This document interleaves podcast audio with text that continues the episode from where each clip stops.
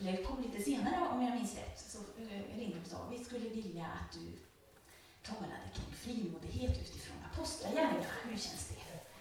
Jättespännande, sa de. Och det är det vi ska göra nu. Men jag kommer även att prata lite om lite annat också. Eh, inte bara apostlagärningarna. Men det blir det som blir huvud. Och då tänker jag ta en sån här liten pinsam fråga nu först. Hur många läste apostlagärningarna ganska nyligen så att ni har det färskt i huvudet?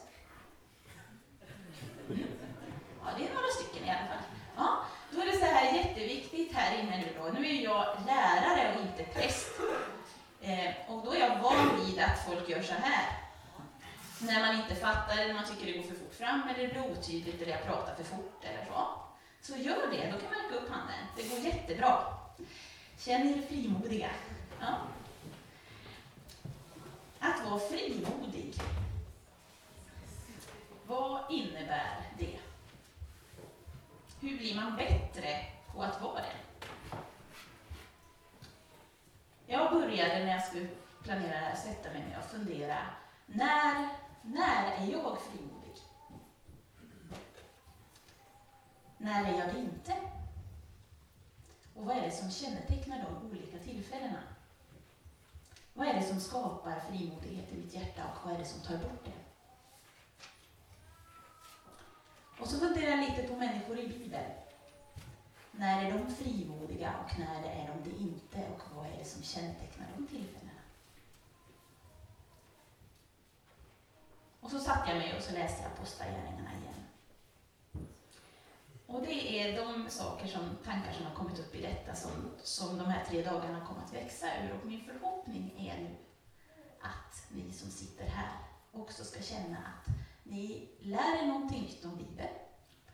Ni får någonting med er härifrån för er ande. Men också att ni får syn på er själva.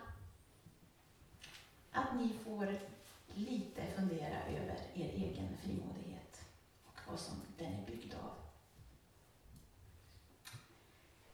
Sen har jag som väldigt många andra, till exempel Lena nu här igår, började detta med att nu delar vi ordet i två delar. Så talar vi om fri idag, modig imorgon och frimodig på lördag. Och därför så ska vi börja med att tala om att vara fri. Ni ska alldeles strax få ett litet papper av mig. Men jag ska säga några saker först. Egentligen handlar ju hela Bibeln om att vara fri. Va? Vi glömmer, jag undervisar ju i Gamla Testamentet, så jag tycker att det är alldeles för styvmoderligt behandlat i sådana här sammanhang. Tyvärr är det ju så. Det är lite lurigt med Gamla Testamentet, Gamla Testamentet, tycker vi många. Och därför hoppar vi över det lite. Eller vi, oh, så. Men Gamla Testamentet handlar precis egentligen om samma sak som Nya Testamentet om man tittar på det lite överifrån. Nya Testamentet är ju, eh, följer ju liksom på Gamla Testamentet. Gamla Testamentet, vad handlar Gamla Testamentet om? Jo, det handlar om ett folk som, inte för att de är bättre än alla andra, utan för att Gud älskar dem, befriar dem och gör dem till sina. Vad handlar Nya Testamentet om? Inga människor som är perfekta och duktiga, utan människor som Gud älskar, befriar och gör till sina. Precis samma sak. Kärleken och befrielsen och ni är mina. Ni är kallade till frihet, står det i Galaterbrevet. Du är kallad till frihet. Tyvärr är det väl så att även om vi är fria så känner vi oss inte alltid fria. Det är problemet här. Och därför så ska ni nu få en lapp av mig. En blå lapp. Och den här lappen måste ni ha med er varje dag. Det är jätteviktigt för ni ska få skriva på den här lappen. Och den är blå som Frihetens färg och som den lilla pärlan som barnen fick. Ni ska få en lapp och överst på den lappen skriver ni ert namn så ni inte tappar bort den. Sen lägger ni den här i Bibeln eller någonstans så att ni har med er den. Överst vill jag att ni skriver När känner jag mig fri? Och så skriver ni när ni gör det. Det som först kommer, ni kommer att tänka på. Känner man att man inte kommer på och inte vet vad man ska skriva, så skriv ändå frågan.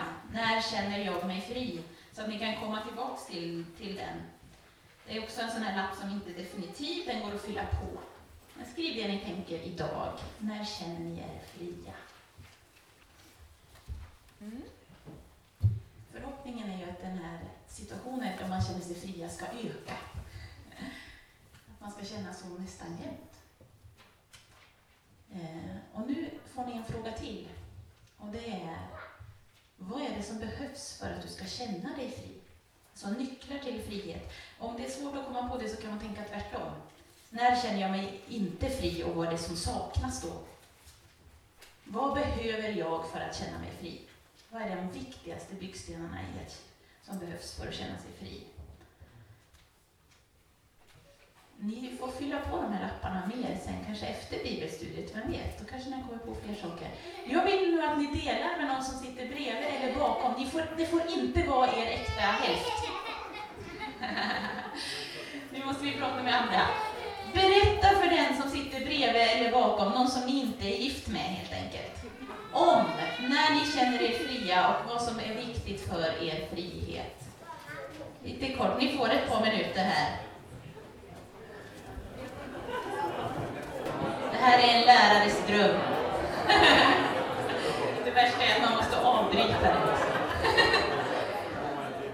Härligt att få er att bubbla igång. Eh, underbart. Kan jag få några förslag här från eh, församlingen? Vad, nycklar till frihet? Är det någon som har något? Varsågod. Förlåtelse? Att vara förlåten?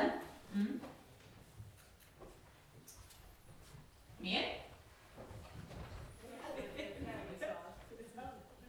Säg något Tina. Såg ut som du skulle säga något. Nej? Ja. Ja. Öppenhet och ärlighet. Ja. När jag har lite ramar omkring mig, när det inte gäller liksom sån här total frihet i alla bemärkelser, Mm. utan jag har någonting som sätter en ram kring mitt liv. Mm. Absolut, en ram kring livet. En, ja. Jag tycker tvärtom, liksom, när jag står på ett berg så att säga, så har jag fri, fri horisont runt om också. Ja. ja. Egentligen nog inte tvärtom, men en annan. Att, se, att kunna se åt alla håll. Men jag menar Ja. tvärtom, men från ett annat perspektiv. Ja. Ja, precis. Mm. Jag känner mig fri när jag får sitta ensam och dricka kaffe på en trappa Ja. Underbart. själv. Ja. Ja. När man är i en situation där alla, liksom, eller många måsten och borden har kommit. Mm. Till exempel när vi är här och kan gå till dukat bord och så. Det är ju frihet. Yes. Måsten och borden borta. Mm. Någon vinkar där nere? var det att vara utan press. Mm.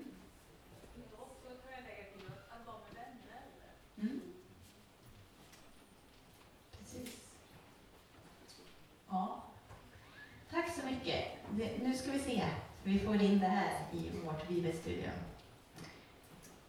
Jag ska börja alldeles längst bak, höll jag på att säga, i Apostlagärningarna kapitel 26, vers 28. Eh, Paulus sitter ju i finkan hela tiden, hörni. Och det kan jag tåla att tänka på när man pratar om frihet. Han kan ha suttit uppe i fängelse i upp till tio år. Vi vet inte exakt hur länge det var, men det kan ha varit så länge. I olika häkten och i olika fängelser. Och i slutet av Apostlagärningarna sitter han först i Caesarea och sen i Rom. Det som är fascinerande det är att Paulus sitter i fängelse väldigt mycket och ändå pratar så mycket om frihet. Eller kanske är det just därför han gör det.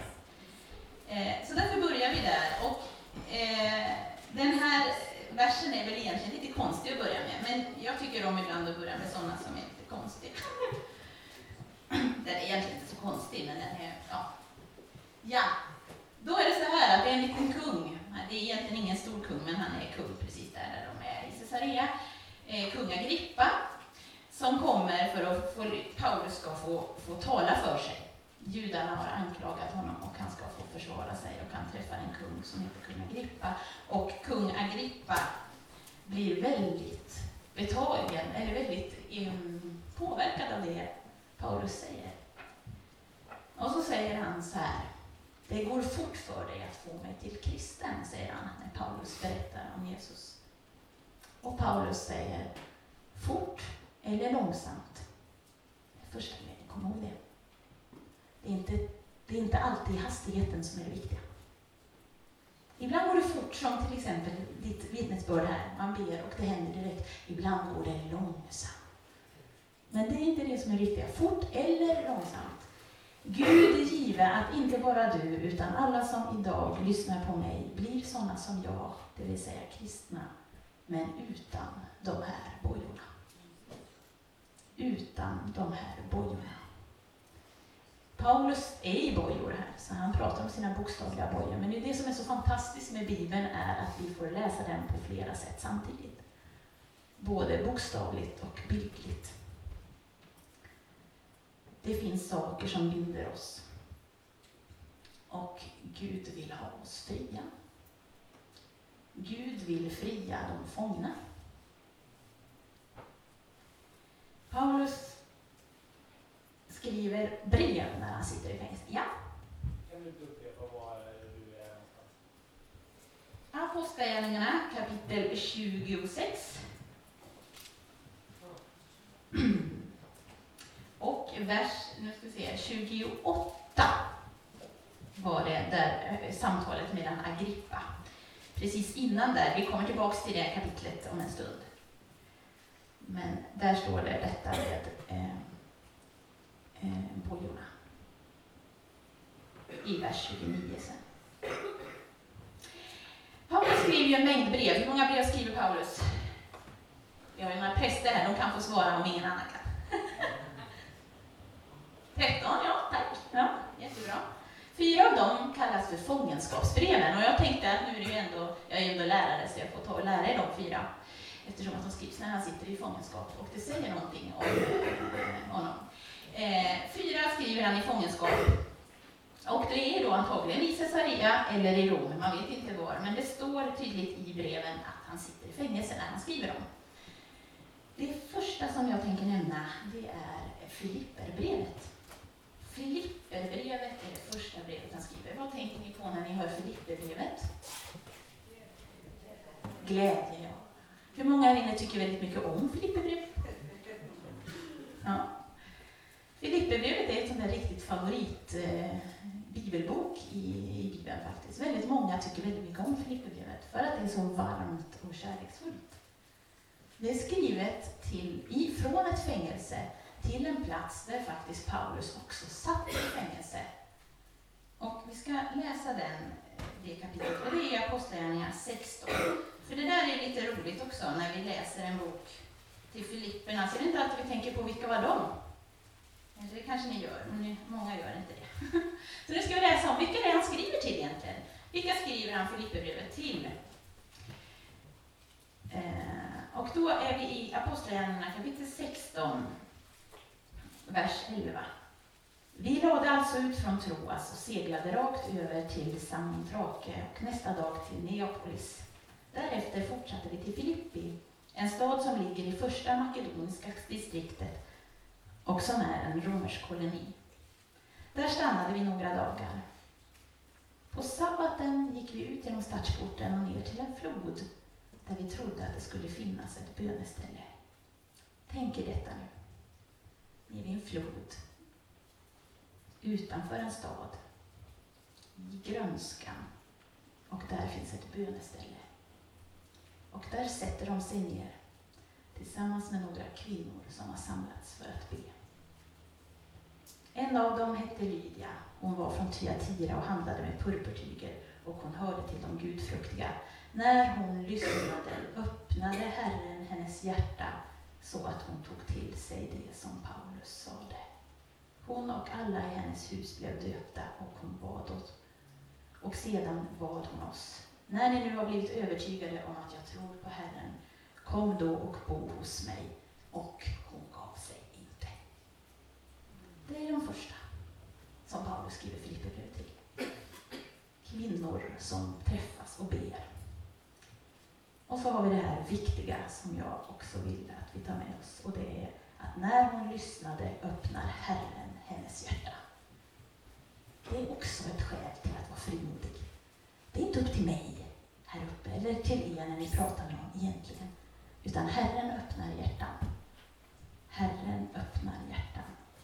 Sen sitter han i fängelse för att det följer efter, en kvinna följer efter som har en spådomsande i sig och Paulus blir till slut så frustrerad över att hon går och ropar efter dem. Eh, hon ropar väldigt fint. Det här männen står i den högste Gudens tjänst och förkunnar vägen till frälsning för er, ropar hon hela tiden. Men han tycker att det där blir lite tjatigt, verkar det som. För det står att Paulus förlorade tålamodet och befriar henne från denna ande, varpå mannen som äger henne blir jättearg och sätter dit dem. Så Paulus och hans kompanjon Silas åker i fängelset. Och där sitter de i fängelset och vad gör de då? Jo, de startar med, vad då för någonting? Lovsång. De sjunger i fängelset och då öppnas bojorna och dörrarna. Lovsången öppnar dörrarna. Sen kommer det som är så intressant här, och för att, apropå frihet, för här är, är eh, riktningen den omvända mot vad vi kan tänka oss. Och då är vi i vers 25. Vid midnatt höll Paulus och Silas bön och sjöng lovsånger till Gud och de andra fångarna hörde på. Plötsligt kom ett kraftigt jordskalv så att fängelset skakades i sina grundvalar. I detsamma sprang alla dörrar upp och bojorna föll av dem alla. Fångvaktaren vaknade och när han fick se att dörrarna i fängelset stod öppna drog han sitt svärd för att ta sitt liv eftersom han trodde att fångarna hade rymt. Men Paulus ropade högt Gör dig ingenting illa, vi är kvar allihop. Då sade fångvaktaren till om ljus och sprang in och kastade sig skräckslagen ner inför Paulus och Silas. Sen förde han ut dem och frågade dem, vad ska jag göra för att räddas? Det är inte Paulus och Silas som sitter i fängelse. Det är fångvaktaren. Det är fångvaktaren som behöver räddas. Det är fångvaktaren som behöver räddas. Tro på Herren Jesus så skall du bli räddad, du och din familj. Fångvaktaren är bunden. Ofta är det precis tvärtom mot vad vi tänker.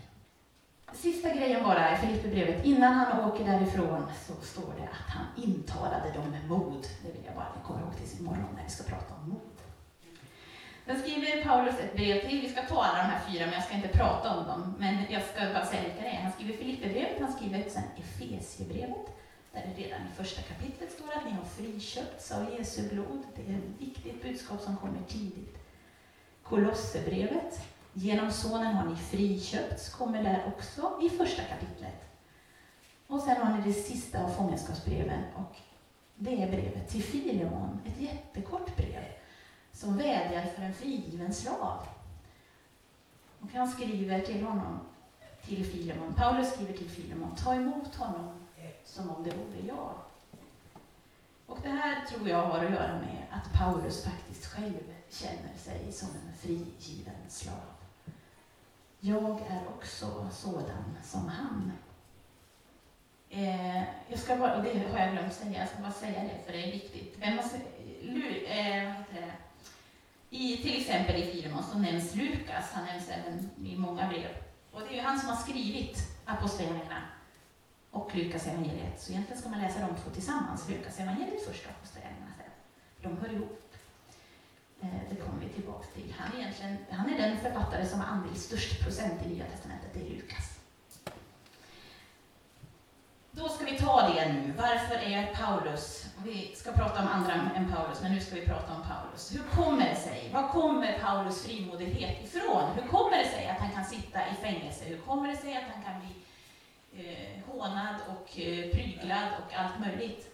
Och ändå har som frimodighet. Var kommer hans frimodighet ifrån? Och då vill jag att vi går till kapitel 9. Och det är så här att Nämligen att det händer någonting för Paulus, och det vet ni redan, men ska, vi ska ta det igen, för det är så viktigt. Vad är det som ger Paulus hans frihet?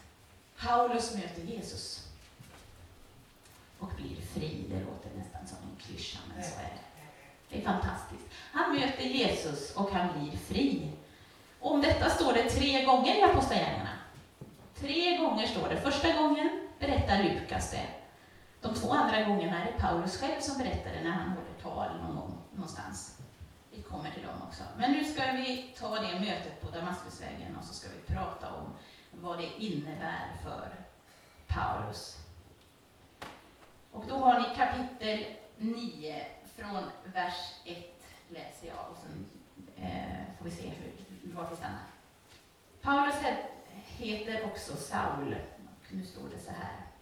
Saul, som ännu rasade av mordlust på Herrens lärjungar, gick till översteprästen och bad att få med sig ett brev till synagogorna i Damaskus. Om han fann några som hörde till vägen, män eller kvinnor, skulle han få fängsla dem och föra dem till Jerusalem. Men när han på sin resa närmade sig Damaskus omgavs han plötsligt av ett bländande ljussken från himlen. Han föll till marken och hörde en röst som sa Saul, Saul, varför förföljer du mig? Han frågade, vem är du, Herre? Jag är Jesus, den som du förföljer. Stig upp och gå in i staden, så får du veta vad du ska göra.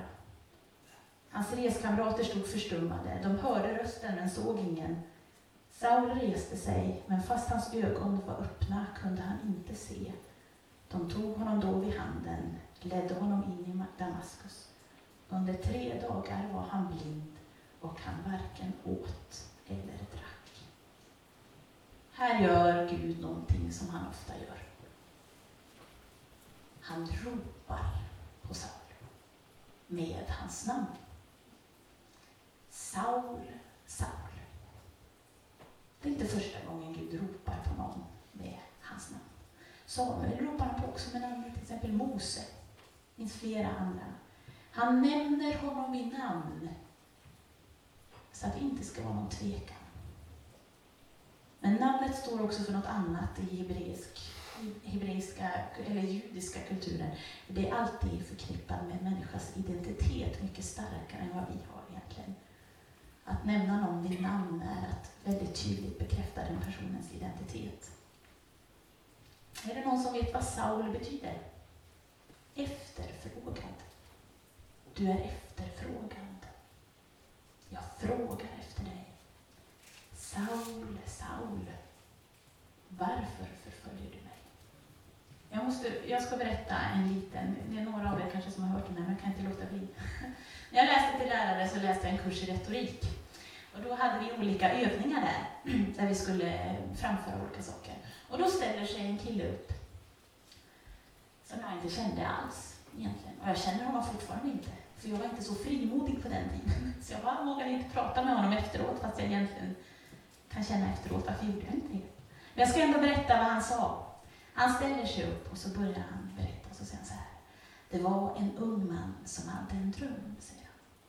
Han ville cykla tvärs över hela Kanada. 7000 kilometer på cykel. Ensam på en cykel. Han jobbade, han sparade ihop pengar, han köpte en massa material. Och han reser så iväg. Han har 12 veckor på sig. Så börjar han längst bort vid Klippabergen, cyklar upp och ner för alla branta sluttningar. Han cyklar ut på präriemarken där och vinden tar tag i honom. Man känner sig som en liten myra på en golfplan. Han bor i ett litet gult tält. Han cyklar ensam, tolv veckors tid.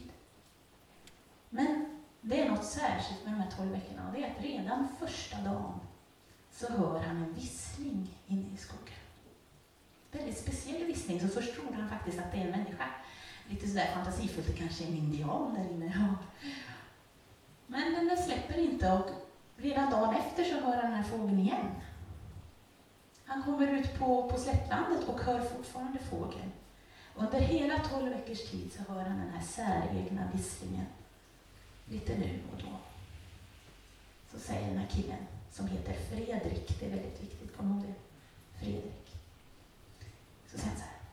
Jag är den mannen. Och när jag kommer fram till andra kanten så träffar jag några sköna killar där som bodde på en camping i en campingstuga. Och de sa, åh vad häftigt, kom in, kom in, berätta för oss, vi vill veta allt om din resa. Åh, vi har bakat gräddtårta här, kom och sitt med oss, vad trevligt. Och de var jätte mysig stund tillsammans där och sitter och pratar. på franska då, för det är franska delen, det är också viktigt för den här berättelsen. De sitter där och pratar och sen helt plötsligt så säger Fredrik, ja, och sen är det så häftigt. Vet ni, det är en fågel, det känns som den har följt med mig hela vägen, men jag har hört en vissling i tolv veckors tid. Ja, säger de. Eh, eh, ena killen han blir genast väldigt intresserad. Oh, jag, jag, är, jag är jätteintresserad av fåglar. Kan du, kan du vissla som den? Har du lärt dig det så att du kan vissla? Så, ja, visst, ja, det är klart jag kan efter tolv veckor. Och han lär sig hur den här låter? så han visslar det. Åh, jag vet precis vilken det är, säger han. Jag vet precis vilken det är. Springer och hämtar sin fågelbok i hyllan. Detta är mannen som var med om detta som berättar det. Jag vill bara säga det.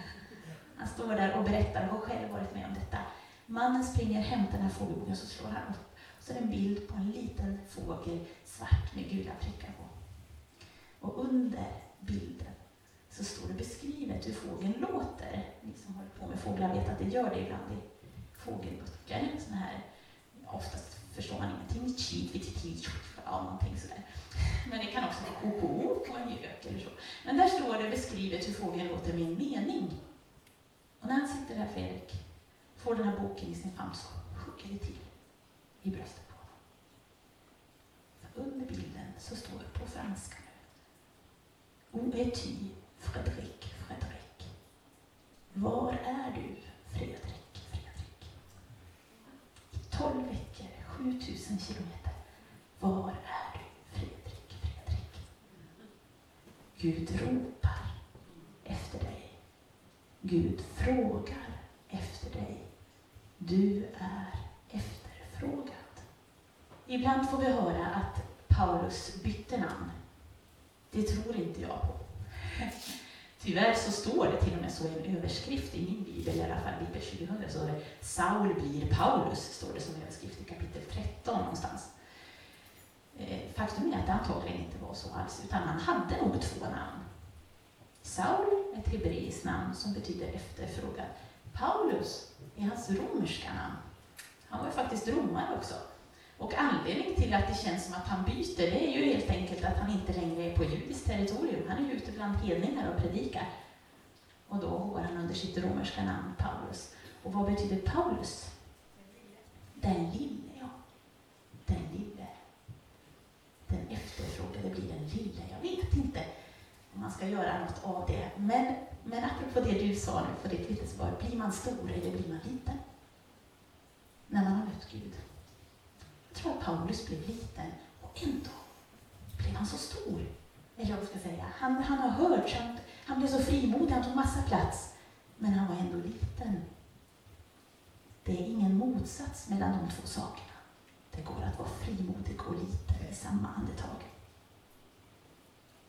Var inte rädd. Jag har friköpt dig.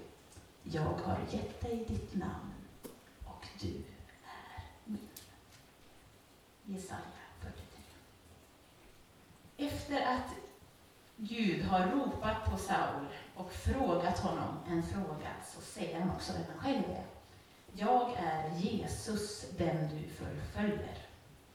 Jag är Jesus, den du förföljer. Väldigt mycket, det här är viktigt, för att vad betyder Jesus? Ja, en, faktiskt finns ännu tydligare. Det är inte bara frälsning eller frälsaren. Det betyder faktiskt eh, Gud frälser, eller om vi ska prata hebreiska, Javé frälser. Och vad betyder Javé, som är Guds namn i Gamla Testamentet? Jag är räddar. Det där tycker jag är fascinerande. Jag är. Vet inte jag vem jag är, så kan jag gå till han som vet vem han är. Och så räddar han mig. Jag är räddar. Jag är räddar dig.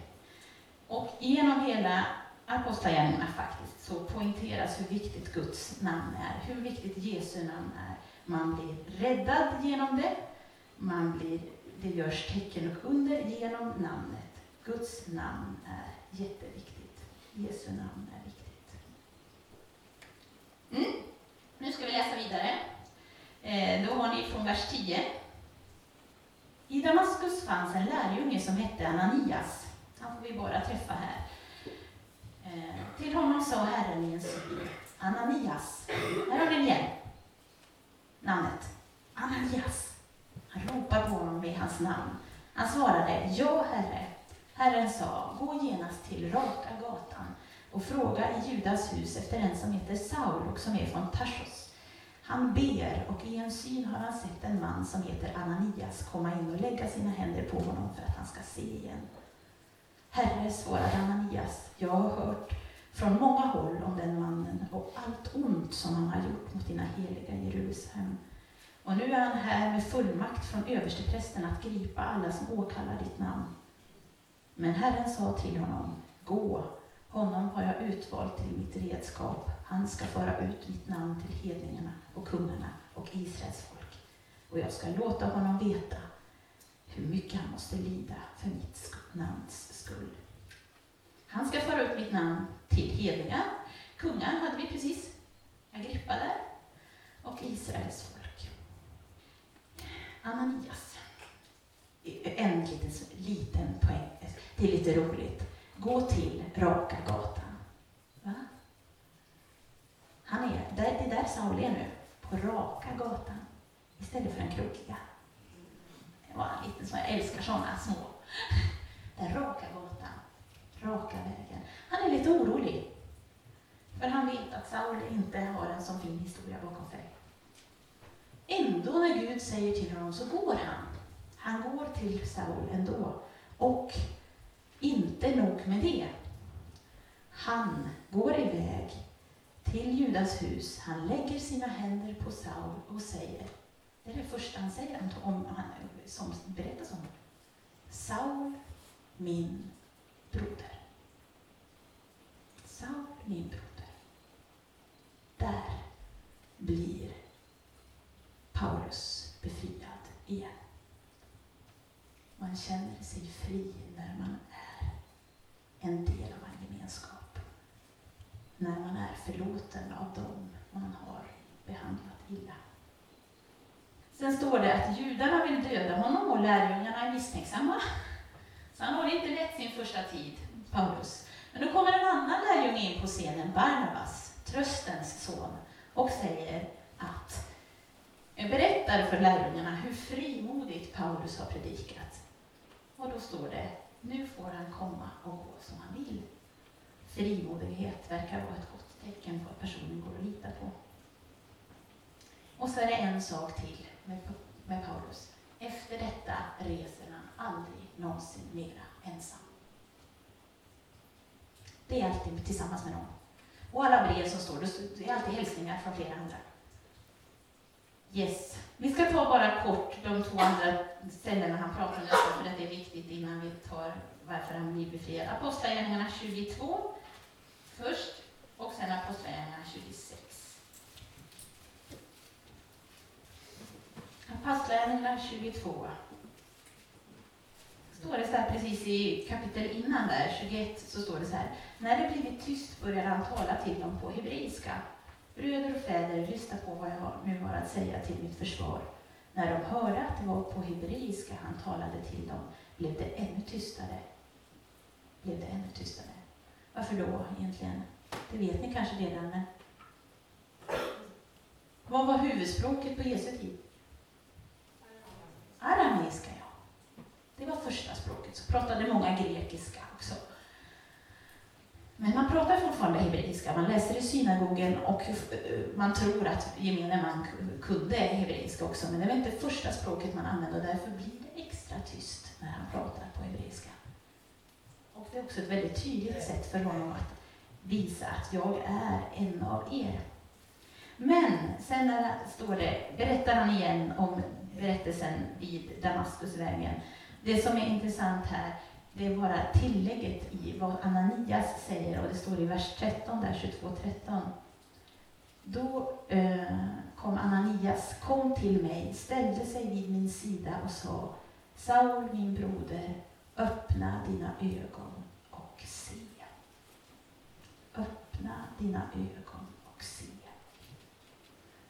Och i kapitel 26, vers 16, Eh, tillägget. Och det är viktigt att se det här att det här är eh, Paulus själv som berättar, så det är viktigt för honom just den här strofen, öppna dina ögon och se. Och i vers 16 står det, att Jesus säger, jag är Jesus den du förföljer, stig upp och stå på dina ben.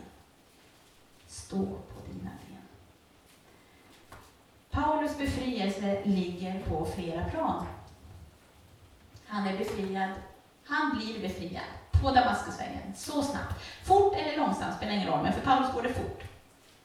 Han blir befriad från sitt hat och sin vrede. Han blir befriad från laggärningarna. Det är det vi märker i så många av hans brev. Han har varit farisé och ibland gör de lite orätt kan jag tycka. Det var väldigt fromma människor som verkligen ville leva för Gud. Men de var bundna. De var inte fria och det var därför det hela tiden blev fel. Han är efterfrågad. Någon finns som frågar efter honom. Det ger frihet. Han får gemenskap, tillhörighet. Han får förlåtelse för sina synder. Döp dig så ska du få förlåtelse för sina synder, står det där också i kapitel 26, tror jag det är. Och han får sina ögon öppnade och han ser. Och han stiger upp och han står på sina ben. Han står på sina ben. Att ha öppna ögon gör att vi blir fria. Det är när vi har saker som skymmer. Vi vill stå på den där bergstoppen och se vitt omkring och se allting. Då blir vi fria. När saker skymmer vår blick blir vi ofria. Det är en sak till där också med Paulus, sista grejen här, men som är väldigt viktig. Det står så här, om, han, om jag hittar någon som tillhör vägen, står det. I hela apostlagärningarna faktiskt så kallas de kristna för vägen. Det har fallit bort sen. Vi säger ju inte så längre, att vi tillhör vägen. Men det är ganska fint, eller hur? De som tillhör vägen. Jag är vägen, säger Jesus. Och vi tillhör honom. Jag var på ett kloster tillsammans med mina elever i våras här, i Italien. Och då träffade vi en nunna där som var helt fantastisk. Och så räcker någon av, vi hade en sån frågestund med henne, vi fick prata med henne om massa olika saker. Och så räcker en av eleverna upp och frågar en sån här klassisk fråga som många eh, elever i 20-årsåldern bär på, men som kanske vi också bär på här inne, jag vet inte. Hon frågar detta, hur ska man veta att man går Guds väg? Tänk om jag väljer fel?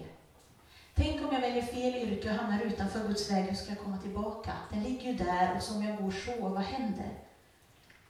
Tittar nunnan på henne så ler hon ett sånt här, oh, ni vet, sånt där leende som man bara smälter av. Så säger hon, nej, nu tänker du fel. Guds väg är inte någonting som ligger där framför som man kan liksom granna av på det sättet. Jesus är vägen. Lever du i Jesus så är du på vägen. Det är inte i första hand vilka, vilket yrkesval vi gör kanske. För en del av oss är det kanske tydligt att vi har någon kallelse att bli något särskilt. Så kan det vara, absolut. Då kommer vi komma dit.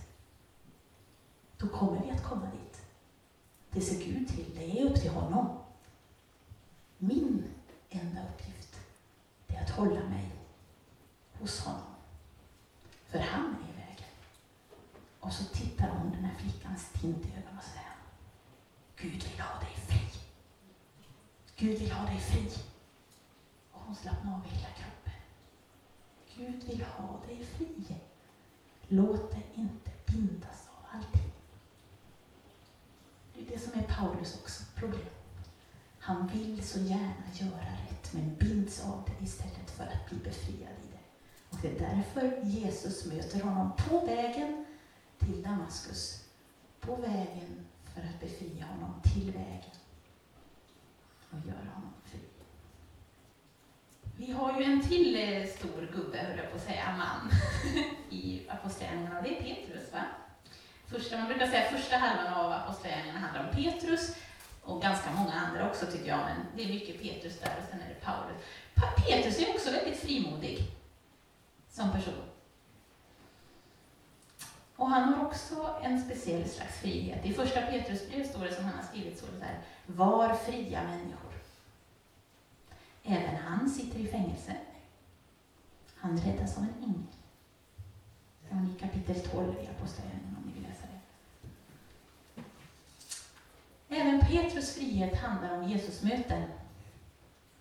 Att han har blivit mött av Jesus. Även när han har förnekat honom. Och där har vi ju en, en intressant faktiskt, om vi läser Lukas kapitel 22, alltså, eftersom att det är samma författare så är det lite intressant. Lukas kapitel 22.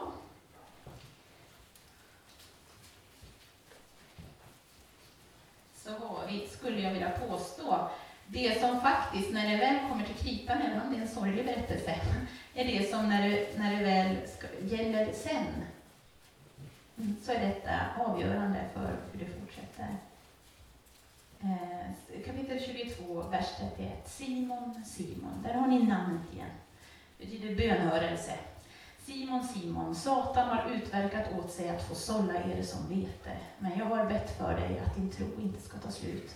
Och när du en gång har vänt tillbaka, så styrk dina bröder. Simon sa, med dig, Herre, är jag beredd att gå både fängelse, i fängelse och i döden. Det gör han ju sen också. Han svarade, jag säger dig Petrus, tuppen ska inte gala i natt förrän du tre gånger har förnekat att du känner mig. Det här är också lite intressant. Petrus har ju varit väldigt frimodig i hela evangelierna egentligen. Fast han gör bort sig gång på gång så fortsätter han att vara sådär härligt frimodig. Jag vill gå på vattnet, jag vill, jag vill, jag vill, jag vill. Så kommer denna kritiska punkt och kanske behöver man komma till den ibland. Även när man är frimodig från början. För att bli befriad från någonting annat. Och mycket riktigt, tre gånger förnekar han att han känner honom. Och då står det så här i vers 21. Efter detta, och just som han hade sagt det, Golen tog då vände sig Herren om och såg på Petrus. Tänk er detta nu. Att ni först har förnekat honom tre gånger och sen får ni möta hans blick genom alla folk där på den här platsen och Petrus kom ihåg detta som Herren hade sagt till honom. Innan tuppen gal i natt har du förnekat mig tre gånger. Och han gick ut och han grät bittert. Petrus kommer ner i det allra mörkaste. Han misslyckas kapitalt, kan man säga, med att vara frimodig. Han är jättefeg. Och det har att göra med att han inte är fri i den situationen, tror jag. Det som är fantastiskt och som gör att hans frimodighet ändå återvänder, det är det ni har i Johannes evangeliets sista kapitel. och Jag ska läsa det också. Här han, han har förnekat Jesus tre gånger och i kapitel 21 i Johannes evangeliet, vers 15, står det så här. När de hade ätit sa Jesus till Simon Petrus, Simon, Johannes son, älskar du mig mer än de andra gör? Simon svarade, ja Herre, du vet att jag har dig kär.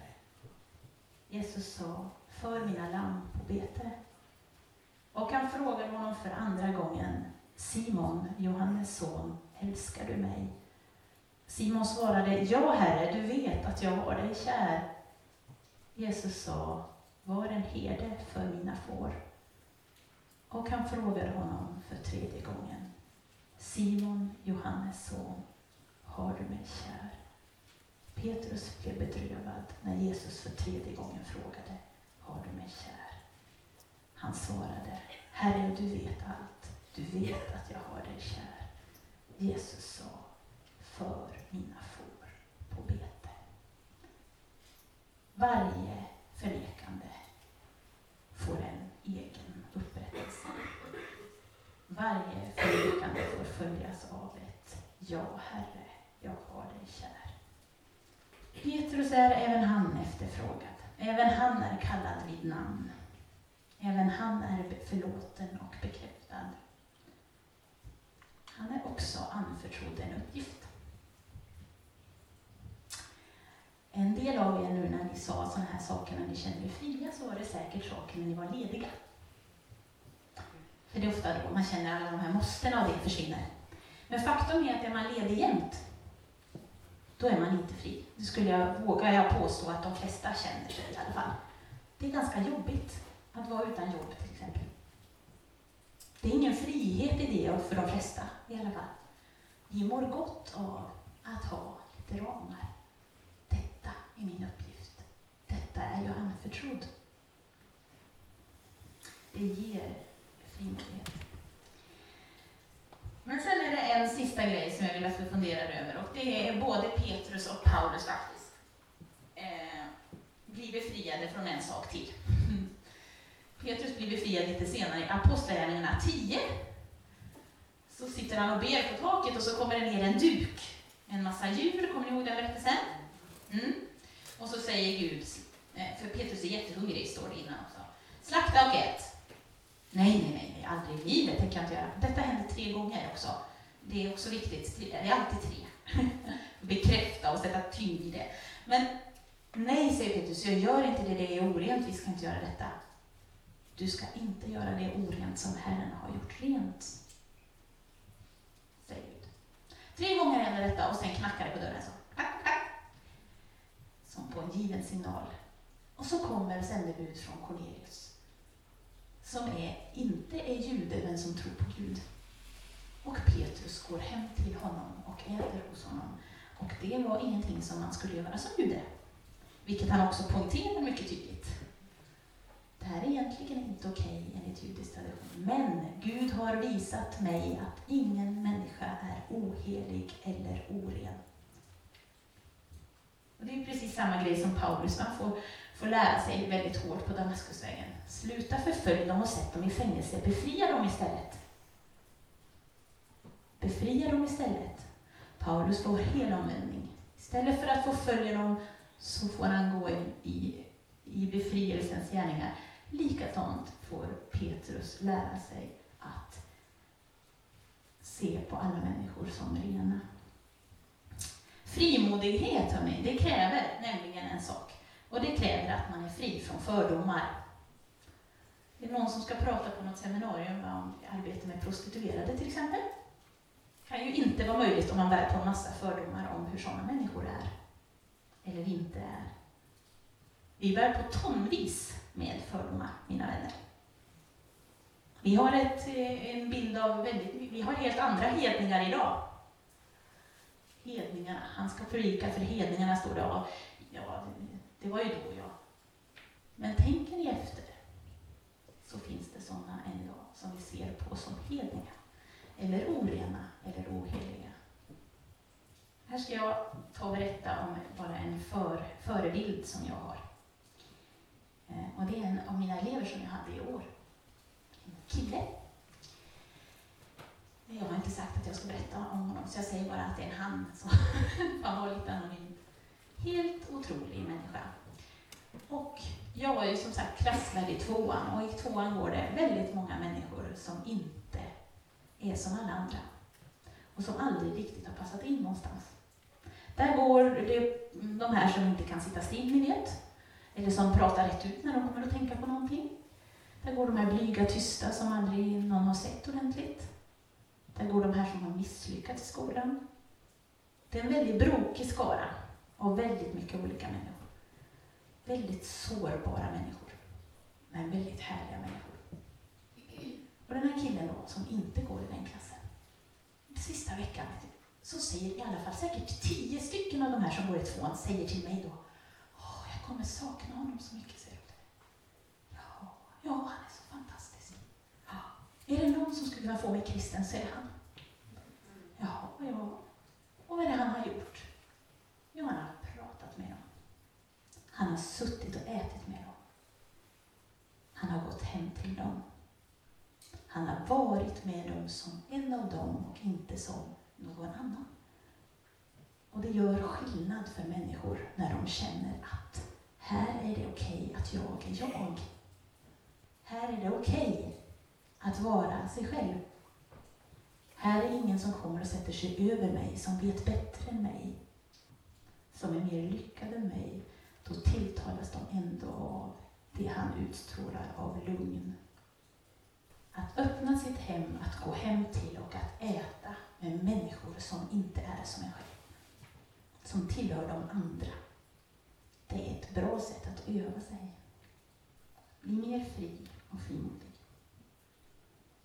Vi pratar ofta om att vi är fångna under synden.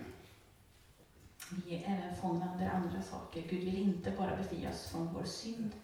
Han vill befria oss också från vår skam.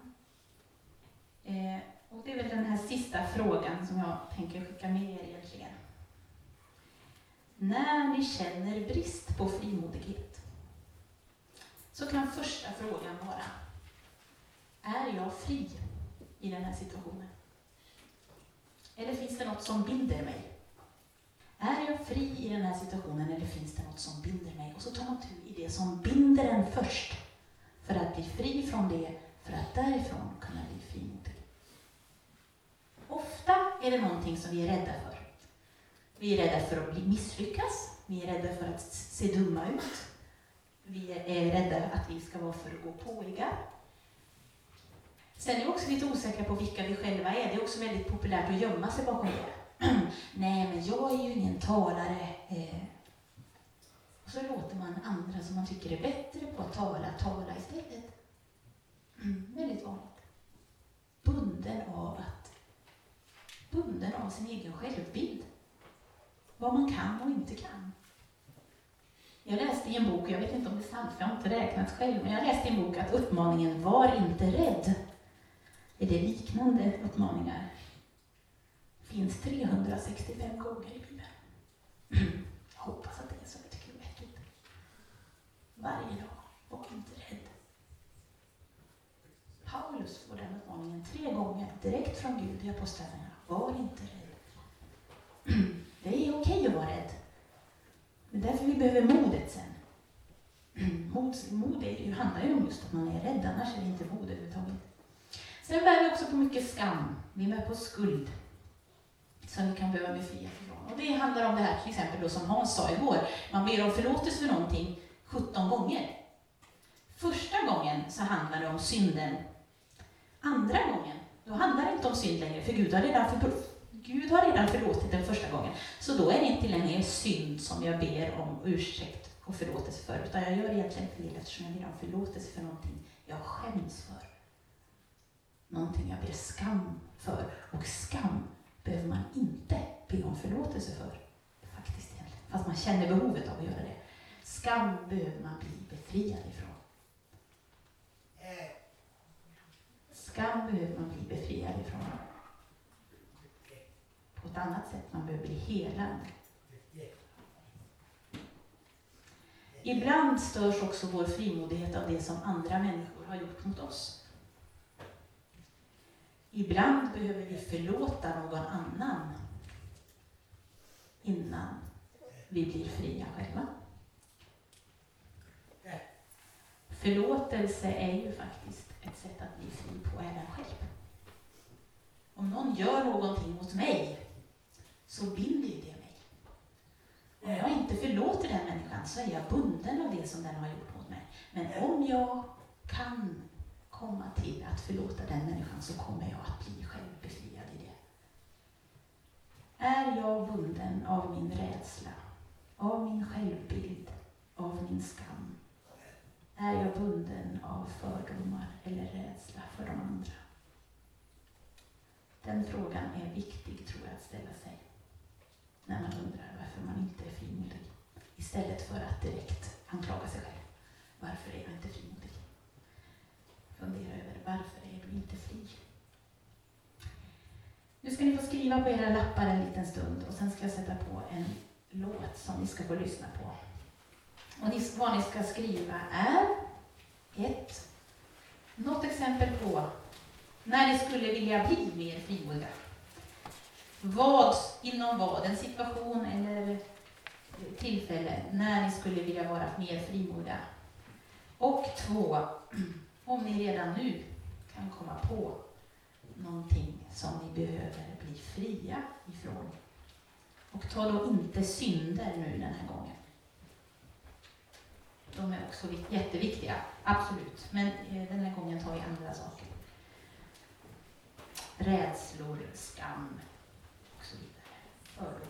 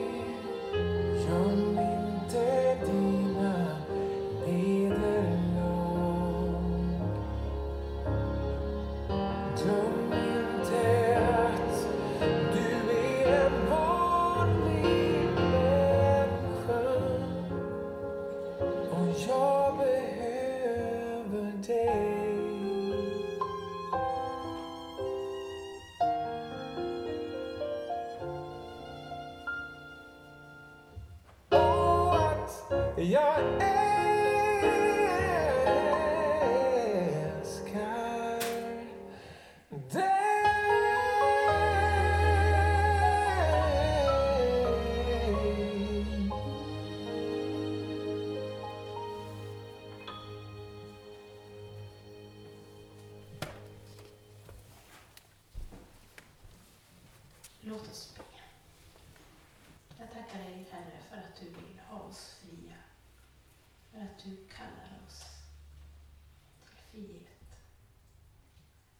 du ska hjälpa oss att leva.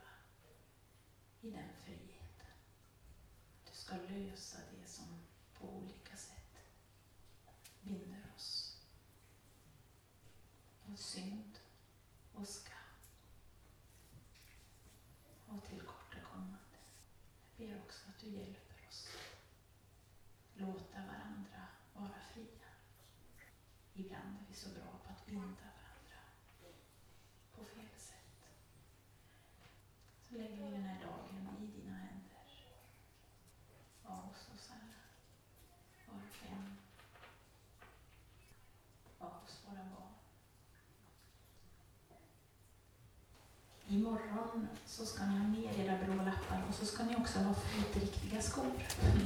Vi ska gå en liten promenad imorgon på slutet. Eh, på 20 minuter ungefär. Mm. Så ni vet det. Så ni har med er något så ni kan gå i, kanske inte flipfloppar